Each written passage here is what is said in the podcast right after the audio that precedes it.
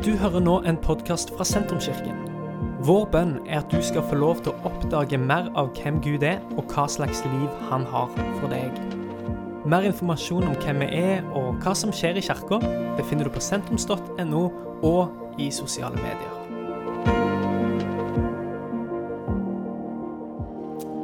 For en fin plass å være på en sånn dag. Nydelig lovsang, godt fellesskap. Flott å høre deg, Mathias. Helt topp, altså. Dette er bra. Eh, I dag stiller jeg spørsmålet kort og godt hva er et menneske? Det stilte David, salmisten, i Salme 8. Hva er et menneske? Og Det fins der litt ulike svar på. Det fins et klassisk eh, kristent svar. Og så fins det et mer sånn sekulært, allment svar på det. Det klassisk kristne svaret det er gjerne det at vi er skapt i Guds bilde som et avbilde av Gud. Det betyr at vi er det ypperste av Guds skaperverk. Det er kronen på verket av det Gud skapte. Vi er evig elska. Vi er uendelig verdifulle. Så mye at Gud var villig til å sende sin sønn som soning for våre synder og vise oss at vi elsker. Du er gjort lite ringere enn Gud, står det i Salme 8. Det er et eller annet helt enestående unikt med oss som vesen. Fra et kristen perspektiv så skjønner vi dette, at vi elsker og vi er verdifulle. Det mer sånn allmenne eller sekulære svaret det fanges kanskje godt opp av en del sånne ord som eh, fins i det latinske uttrykket som beskriver mennesket. Det er ord som f.eks homo erectus, homo som i menneske, erectus som i det at vi er oppreist. Det er noe fysisk ved oss som gjør oss unike og enestående. Vi er ikke krokrygga eller firbeinte, vi er rakrygga og vi er oppreiste. Så fysisk skiller vi oss ut, og det sier jo det allmenne, sekulære svaret at det er en av de tingene som gjør oss unike som mennesker. Så har du et annet sånn latinsk uttrykk som er homo laber. Homo laber det betyr at vi er kreative, vi er skapende vesen. Og Det er jo ganske fascinerende å tenke hva vi mennesker faktisk får til når vi samhandler og samarbeider. Altså, Du kan jo bli fascinert av dyr og altså, gå i naturen og se på maur. Så ser du at eh, det er jo fascinerende at de klarer å bygge en egen sånn maurtue, en egen by, en egen verden. Men når du tenker hva mennesker får til når de slår hodene sammen og bruker evnene sine. Fascinerende. Nå bygges det på et 1000 meter høy, høy bygning. Eh, vi vet jo alle godt at den teknologiske alder gjør at vi har eh, evnen til å komme i kontakt med hverandre. På mikromillisekund så kan vi se og høre mennesker på andre sida av jordkloden. Vi, kan, eh, vi, har skapt fartøy som gjør at vi kan ta oss ut i verdensrommet. Altså, Mennesket er utrolig fascinerende. Det kanskje mest kjente latinske ordet for mennesker er jo homo sapiens. Det handler om at vi det, skal, det tenkende, resonnerende, reflekterende mennesket. Tenk alt vi kan tilegne oss av kunnskap og anvende for å leve livet. Det er jo fascinerende med mennesket. Og Enten vi nærmer oss det med mennesket ut fra et klassisk kristen perspektiv eller fra et mer allment sekulært perspektiv, så tror jeg det er en skjønt enighet om at mennesket er unikt. Og vi applauderer alle de kall det tilnærmingene til å se på mennesket. Når jeg kommer her i dag, så er det ikke for å påpeke det opplagte som jeg nå har gjort, men det er for å stille spørsmålet fins det noe som er enda mer treffsikkert definerende for oss som skapning? Jeg tror det er det. Det latinske ordet for det det dukket opp for meg for bare en måneds tid siden jeg leste en bok av Joel Halldorf. Han skrev en bok som heter 'Gud jakten'. Og Der brukte han et latinsk ord som ikke jeg hadde hørt før, og det var ordet 'homo adorans'.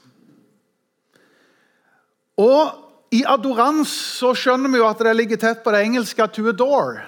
Det å hylle eller dyrke, eller det å sette noe i sentrum eller gi sin udelte oppmerksomhet til noe. Og dette er min påstand, at det er noe av det som kanskje mer enn noe annet gjør oss unike som vesen. Det er vår evne til å sette noe i sentrum. Til å gi vår udelte oppmerksomhet. Til å dyrke, til å hylle. I bibelspråket så kaller vi det for å tilbe. Og de som måtte høre dette og tenke at ja, tilbedelse det blir jo mer liksom, eh, det er jo mer de religiøse. Det Det er jo ikke alle som tilber, liksom. Vel, da er noe av det som har blitt min påstand, og som er skrevet flere bøker om, nemlig dette at jo, det å tilbe er ikke noe du kan velge vekk. Alle mennesker tilber. Spørsmålet er ikke om du tilber, men spørsmålet er hva du tilber. Fordi at det er like naturlig for oss som å gå og stå og spise og drikke og sove, så er det at vi er tilbedende vesen. Romerbrevet kapittel 1 snakker om dette. Paulus tar opp det at enten så tilber du det skapte, eller så tilber du skaperen. Men tilbe gjør du, det gjør du alle mann. Det som avgjør om vi treffer blink eller bommer på målet, det som avgjør om vi holder oss på sporet eller går av veien, det er ikke om du tilber, men det er hva du tilber. Og Derfor har jeg bestemt meg for at jeg vil være en tilbeder. Ikke bare en hvilken som helst tilbeder, jeg vil være en sann tilbeder. For det er sånne Gud søker når Jesus møter en kvinne ved en brønn. Så er det der samtalen ender opp. For Samtalen dreier seg litt om at hun er opptatt av ja, tilbedelse. Det må vel skje på bestemte steder til bestemte tider. Men så opplyser Jesus nå om at sanne tilbedere de tilber i ånd og sannhet. I dag så stiller jeg litt spørsmål hva er sann tilbedelse, og hvordan er det å komme oss på sporet.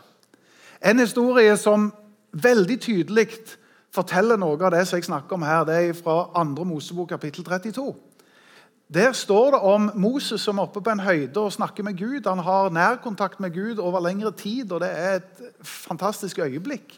Men det som skjer, det er at en del av det folket som han leder, israelsfolket, de sporer av. Fordi at når de ikke har fokus på Gud og tilber den levende Gud, så ender de opp med å tilbe noe annet. Så de lager seg en gullkalv.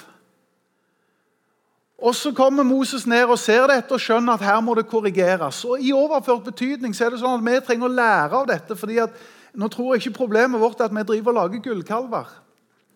Men problemet vårt er at vi sporer av på våre måter. Fordi Dersom vi ikke tilber Skaperen, så tilber vi det skapte. Da er det penger, det er popularitet, det er komfort, det er hobbyer, det er fotball Kjedelig at Liverpool tapte i går, forresten. Eh, eh, det kan, være, eh, det kan være musikk. Det kan være så mangt. Og så tror ikke jeg at jeg skal komme her og gi en slags dårlig samvittighet over at vi ikke skal ha en hobby eller ha ting som vi syns er kjekt. At vi synes at det er liksom, Selvfølgelig skal vi både ha karriere og penger og eh, litt likes. er helt greit det. Problemet er at disse tingene ikke må bli kilden til det vi søker som mennesker. Det kan godt være noe krydder som vi har med oss i livet, men det å sette noe først det er noe det Bibelen oppfordrer igjen og igjen til. Søk da først Guds rike. Det å ha sin første kjærlighet til Jesus Kristus. Det betyr hvem er kilden til min oppmerksomhet, til min takknemlighet? Til det å sette noen i sentrum, til det å hylle. Og Der ønsker jeg å være en sann tilbeder, som Bibelen taler om. Og så har jeg i forberedelsen min tenkt at ja, hva betyr det for deg helt konkret, Knut? Hvis det er å sette noe først, det å dyrke, det å ha sin første kjærlighet, det å søke Guds rike først, det å være en sann tilbeder, hva vil det si for meg? Og nå tenkte Jeg skulle gi dere noen knagger. Ikke fordi jeg tror at det ser kliss likt ut for alle. for jeg tror Det finnes ulike måter at det slår ut i hverdagslivet på. Men jeg tror det kan være en hjelp og det kan sette oss på sporet av hvordan det kan se ut med sann tilbedelse. Fordi at jeg tror jo at sann tilbedelse først og fremst starter i hjertet, men samtidig kan det bli litt sånn, kall det abstrakt og diffust. når det er at det å sette Jesus først bare blir et slags begrep uten at det slår ut i hverdagsliv. Så jeg tror jo på å leve ut den kjærligheten og den hyllesten og det faktum at jeg er en tilbeder. Det slår ut i noe i dagliglivet mitt, i ukesprioriteringene mine, i det regelmessige, i det månedlige, om du vil. Og Jeg tenkte jeg skulle ta den rekkefølgen litt kronologisk her. Så for å begynne i det daglige så vil jeg si at kanskje det som er med å sette tonen for meg, det er at jeg har et navn på leppene mine hver dag, og det er Jesus Kristus. Fordi adressen for sann tilbedelse, det er en person. Den har et navn. Det er Jesus Kristus. Og Det å daglig henvende seg til Jesus og Det kan jo snakkes om og fortelles om på veldig mange ulike måter, men hvis jeg bare koker det ned til noe veldig enkelt, så er det at Jesus Kristus er den jeg har hverdagsfellesskap med. Det betyr at han er på mine lepper stadig vekk. Enten det er om jeg synger en lovsang, eller jeg gir et sukk eller en takk, eller at noen ganger så kan jo det være mange minutter, og noen ganger er det sekund, og noen ganger så føler jeg jeg har vært en god kristen, og andre ganger føler jeg jeg har bomma helt. Men det som er gjennomgangsmelodien, det er at Jesus Kristus, takk for livet. Takk for gaven du har gitt meg. Takk for at jeg får lov å leve. Takk for at jeg får lov å kjenne deg, du som er kilden og opphavet til alt. Jesus Kristus. Og Så kan vi kanskje spørre oss sjøl er det sånn at Gud trenger vår våre ord? Trenger han våre kjærlighetserklæringer? Trenger han at jeg takker ham? Da er min påstand at Gud trenger, han fortjener det, men han trenger det ikke. Det ville jo vært en rar greie hvis Gud var en sånn narsissistisk gud som alltid trenger å høre at han var bra og trengte å få en tommel opp ifra, fra folket sitt. Gud trenger ikke en tommel opp fra meg. Han trenger ikke mine kjærlighetserklæringer, selv om han fortjener det. Men jeg trenger det. Jeg trenger å gi den oppmerksomheten til Gud. Fordi at jeg er skrudd sammen sånn, og det er du òg. Hvis jeg ikke gir oppmerksomhet til Gud, så gir jeg oppmerksomheten til noe annet. Hvis ikke det blir det jeg retter min oppmerksomhet og setter min livskurs imot, så ender jeg opp med at livskursen min er noe annet. Og Dette lærer Bibelen oss fra de første bøkene, fra de første kapitlene. Nemlig dette at vi er skapt himmelvendte. Kall det at vi er skapt teosentriske fokusert mot Gud, Adam og Eva. Men hva skjer? Når du ikke fokuserer på Gud, så ender du gjerne opp med å bli egosentriske. Og Det er noe av den frie viljen som Gud har tillatt. Og det skal vi takke for, at vi får lov å velge. Men sånn er vi skrudd sammen. Når jeg ikke gir oppmerksomhet til Gud, så blir jeg kanskje mer egosentrisk. Så Gud kommer jo ikke for å frelse meg fra bare alt rusk og rask men å frelse meg ifra meg sjøl. Ifra min selvopptatthet. I det at jeg er min egen Gud. I det at jeg vet best sjøl. I det at jeg dyrker og pleier og ser innover. Selv om vi skal ta vare på oss sjøl, så tror jeg at mennesket først og fremst er skapt med å ha en høyere himmel over livet. Med å være himmelvendte, med å være teosentriske, med å gi Gud ære. Derfor er min oppfordring i dag det er la Jesu navn være daglig på dine lepper. Han er adressen for sann tilbedelse. Skal vi gå fra det daglige til det ukentlige, så vil jeg slå et lite slag for gudstjenesten. Jeg har lyst til å si tommel opp for at du er her, for at du har prioritert dette fellesskapet. Du står i en tusenvis år gammel tradisjon som har fulgt troens folk ganske nøyaktig 1701 år siden keiser Konstantin bestemte at dette skulle være, søndagen skulle være en helligdag. I forkant av det så vet vi jo det at dette med religiøse samlinger og sted for å utøve tilbedelsen i fellesskap, det har fulgt religiøse grupper gjennom alle tider. Muslimene har sin fredag, jødene sin lørdag. Etter hvert så fikk altså eh, eh, de kristne sin søndag.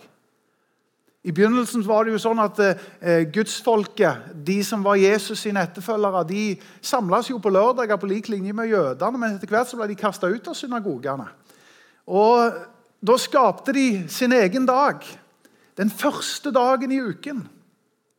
Og akkurat Dette har jo en dobbel betydning som er helt nydelig. fordi at Søndagen er jo oppstandelsesdagen, sånn at det vi kommer sammen for basically når vi møtes til gudstjeneste, det er å feire Jesus sin oppstandelse, som er også vårt håp. Som både er Kall det frelse for vår fortid, og som er vår håp for i morgen. Det er at Jesus Kristus har stått opp, og det gjør at vi som Guds folk samles på en søndag. Men litt dypere så er det sånn at det er den første dagen i uken. Selv om vi tenker om det den siste dagen i uka, og den kalenderen vi har lagd, så blir det det. Og Da blir det gjerne litt sånn at vi får se om vi orker eller klarer eller får det til. Vi ser litt på været, og vi kjenner litt på stemningen i heimen. og Det kan jo være veldig mye annet som er gøy. og Jeg er litt for sliten til å gå til gudstjeneste, eller det er litt for godt vær, litt for dårlig vær. Altså, det er mange grunner. Hvis du kommer der at liksom Å, orker jeg dette? Så tror jeg det er bra å snu på mentaliteten og tenke Ny uke den må jeg starte med å gi oppmerksomhet til den levende Gud i fellesskap med andre troende. Det er sånn jeg begynner den nye uka mi. Det er å sette Jesus først. Det er tilbedelse for meg.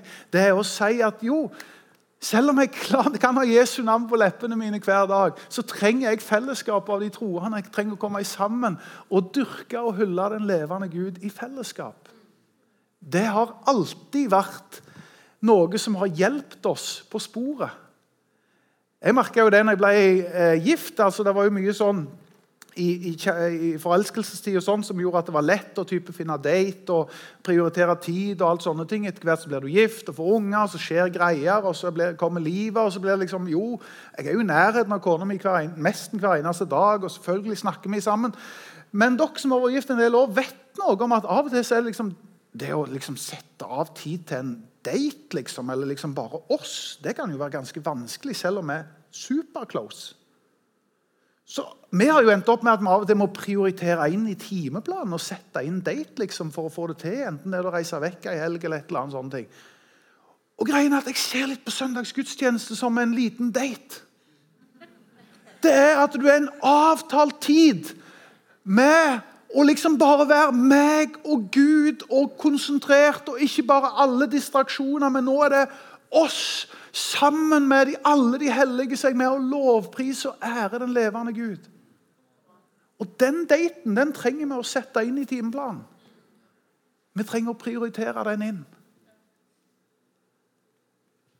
Så jeg slår et slag for søndagen og sier Fortsett å legge inn en prioritering på den. Det har alltid Guds folk gjort. Og jeg tror at primærmotivasjonen det må være nettopp dette at jeg kommer for å tilbe. Fordi at selv det å søke det kristne fellesskapet kan ha så mange motivasjoner. Jeg tok runden i husgruppa mi og spurte om hva var motivasjonene når de hadde ærlige svar. og det synes jeg er nydelig, så det var ikke sånn at jeg skulle arrestere dem eller ta dem, Men det er typiske tingene du hører. det er at Jeg går på gudstjenester fordi at jeg vil at ungene skal få noe. Så Jeg vil at de skal treffe andre, og så skal de gå på søndagsskole. og sånne ting. Og så var det en annen som sa at jo, fordi det er jo, det er jo der jeg er medlem, og jeg har jo til og med sagt ja til en, en liksom verv, en oppgave. Jeg står litt i døra. sånn at jeg føler meg litt sånn Jeg kommer når jeg skal gjøre noe. Sant? Så jeg, Det er en motivasjon. Noen, det tror jeg ikke akkurat de i gruppa mi sa, men uh, en, typisk, en motivasjon kan være Jeg vil høre forkynnelse. Jeg vil høre ordet. Det gode taler, liksom. Det sa de ikke til meg. Men, uh, men det, kunne, det, kan være en motivasjon. En typisk motivasjon kan være fellesskap. Jeg trives godt her. jeg mener En god gjeng. Kjekt å treffe folk. liksom. Vi får jo henge litt og bli kjent. og greier. Og Jeg er ikke imot alle de motivasjonene, men jeg vil kalle det for sekundære motivasjoner. For hva skjer den dagen du ikke har små barn, og du gikk fordi at barna skulle få søndagsskole? Eller ungene har blitt så store at de velger sjøl. Forsvinner jeg da? Hva er den dagen jeg sier det gode fellesskapet som jeg syns var så livgivende og fint Nå syns jeg det er slitsomt med folk. Jeg er blitt mer introvert og blitt gammel og kjedelig. eller eh, vet ikke jeg, Kanskje du ikke kaller deg det, men du syns det er slitsomt med folk, liksom. Ja, Skal du da slutte med gudstjeneste? Ja, hva hvis, hva hvis du ikke har krefter til å tjene? Hva hvis du har tjent i årevis, men du sier den motivasjonen har jeg ikke lenger? Kanskje sykdom eller noe har satt deg på sidelinja? Hva om du tenker taler. Nei, jeg gidder iallfall ikke komme for å høre taler, for hvis det er noe jeg har hørt i mitt liv, så er det taler. Jeg mener jeg har vært på hundrevis av møter. Det er ikke en ting jeg ikke har hørt. Og det er nok sant. Ikke, du, du har hørt alt. Poenget mitt er at alle disse motivasjonene kan gjøre at det rakner for deg i gudstjenestelivet. Gudstjenestens primærmotivasjon det er oppmerksomhet til den levende Gud. Jeg er her for å hylle og tilbe Han, som er skaper av himmel og jord, som er min frelser. Jeg er en tilbeder. Det er en del av det å være i familien. Det er å møte flokken og si sammen med alle de hellige, så tilber vi den levende Gud. Den tredje og siste som jeg har i denne her, det kunne sikkert vært mange flere, det er det Kall det det månedlige eller regelmessige, tror jeg heller vil kalle det.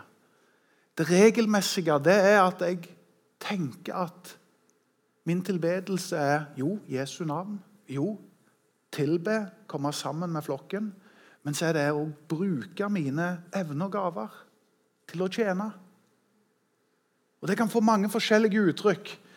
I Jakobs brev så snakker det om at uh, en sann gudstjeneste det er å ta vare på enker og foreldreløse barn i deres nød. Det er å bry seg, det er å være et medmenneske.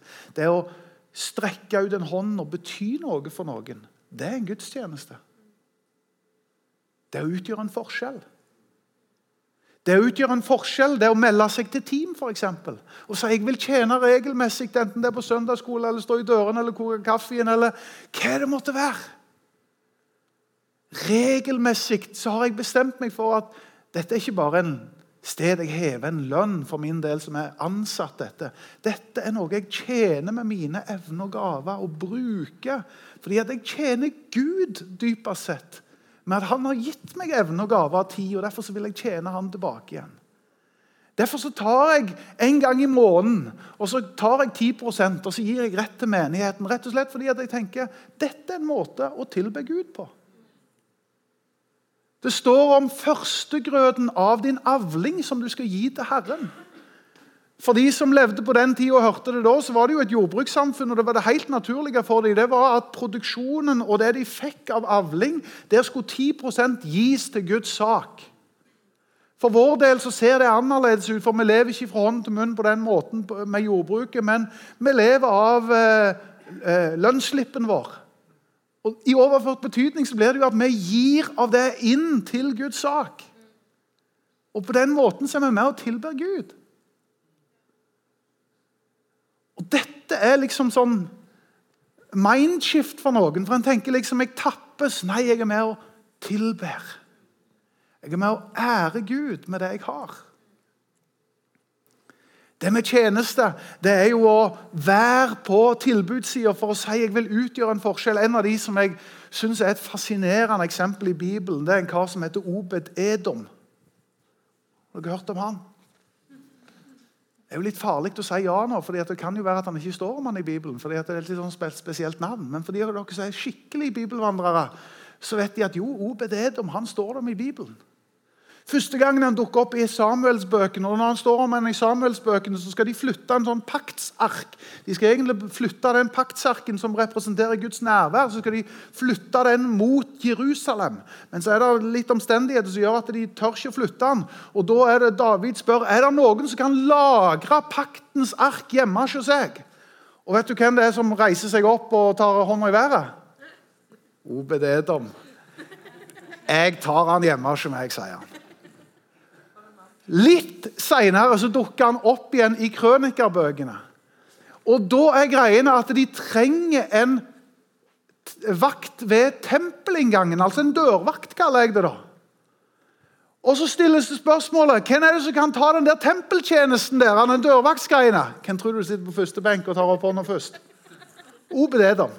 Jeg tar den. Og så skjer det at uh, de skal ha innsamling til bygging av tempelet. Og så lurer en kanskje på hvem det er som melder seg først. Men det er OBD-dom. Jeg gir. Jeg kan være med å ta inn gaven. Jeg, jeg med! Og så begynner det å stå om at det er et svært lovsangstid, for det står harpe og lyre og all slags mulige. Det er skikkelig orkester de skal sette i gang. Hvem tror dere som melder seg som musiker? Jeg tar den, sier Obed-Edom. Obed-Edom betyr Obed betyr tjener på hebraisk. Edom, det er byen.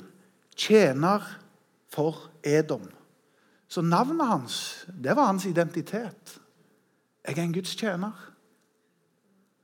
Fascinerende med Obed-Edom står at han ble velsigna i 62 slektsledd. Generasjonene etterpå. Det å sette et eksempel kan gjøre at det går fra generasjon til generasjon. Du setter et eksempel som står seg for kommende generasjoner.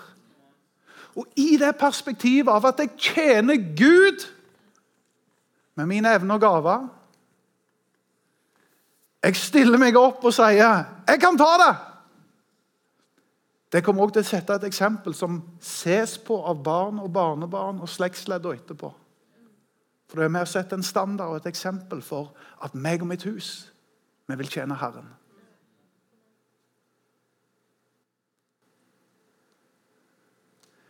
Jeg tror på å være først og fremst en tilbeder. Og så kan det slå ut i litt forskjellige måter. Men jeg tror det handler om Jesu navn er adressen. Jeg tror det handler om å bruke av evner og gaver. Jeg tror det handler om å samles i fellesskap og tilbe. Uansett hvordan det slår ut for deg i hverdagslivet. Hver en som sier jo, jeg er et tenkende vesen. Ja. Jeg er et skapende vesen. Ja. Det er noen fysiske ting. Ja. Jeg er absolutt elska. Jeg er evig eh, altså uendelig verdifull. Ja. Men jeg er òg en tilbeder. Det er den jeg er. Det er min identitet. For alle tilber. Men spørsmålet er hvem er adressen for din tilbedelse? Johannes i Bibelen får et lite glimt inn i framtida i Johannes' åpenbaring. Og det han ser, det er titusenvis på titusenvis av forskjellige vesen og mennesker som har en melodi. Og det er 'Verdig er du', som ble slakta til å motta hyllest og takk og ære. Verdig er du. Og det å ha det som en livsinnstilling, det er det at Gjør mitt liv til en lovsang til deg, Gud. Så kommer det til å være noen skurrete toner, det kommer til å være noe ureint innimellom, noe ureine trav. Men min innstilling er at jeg vil leve tilbedelse. Jeg vil være en tilbeder. Vi lukke øynene våre et lite øyeblikk? For jeg har lyst til å spørre deg som tenker kanskje som så at eh, dette er en livskurs jeg òg ønsker å legge inn på. Og da vil jeg si at første steg er å få sin sak i orden med Gud. Det er å nevne navnet til Jesus. For Jeg tror det kan finnes en tro i hjertet på mange, men Bibelen sier òg at vi skal bekjenne ham. Og Det å bekjenne ham, det er jo starten på tilbedelse. Det å bekjenne Jesu navn som frelser og som herre. Og Hvis du ønsker å liksom ta imot ham og bare si jeg vil være en tilbeder Jeg skjønner det er et helt landskap, det er masse greier, men jeg vil starte med det viktigste først. Jeg vil nevne Jesu navn. Jeg vil bekjenne Jesu navn. Jeg vil ta imot Jesu navn. Så kan du få lov å løfte hånda der du er, og så skal jeg bare ta deg med i en enkel bønn og si velkommen på den reisen hvis du ønsker å ta imot Jesus som din frelser. Takker deg, Herre, for du er her med ditt nærvær. Takk for du rører ved hjertene våre. Herre, jeg ber om en hjertes respons fra de som kjenner seg kaldt i det, de det gjelder. I Jesu navn.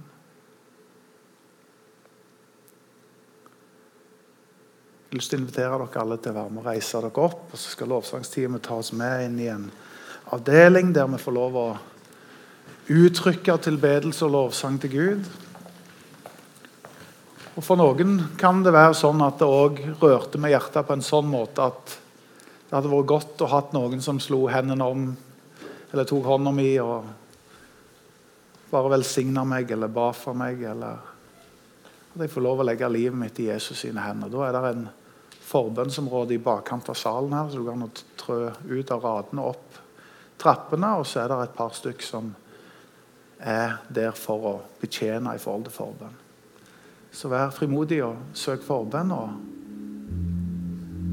skal vi alle her ta oss og bare løfte våre stemmer og våre hender om du vil, og tilbe den levende Gud.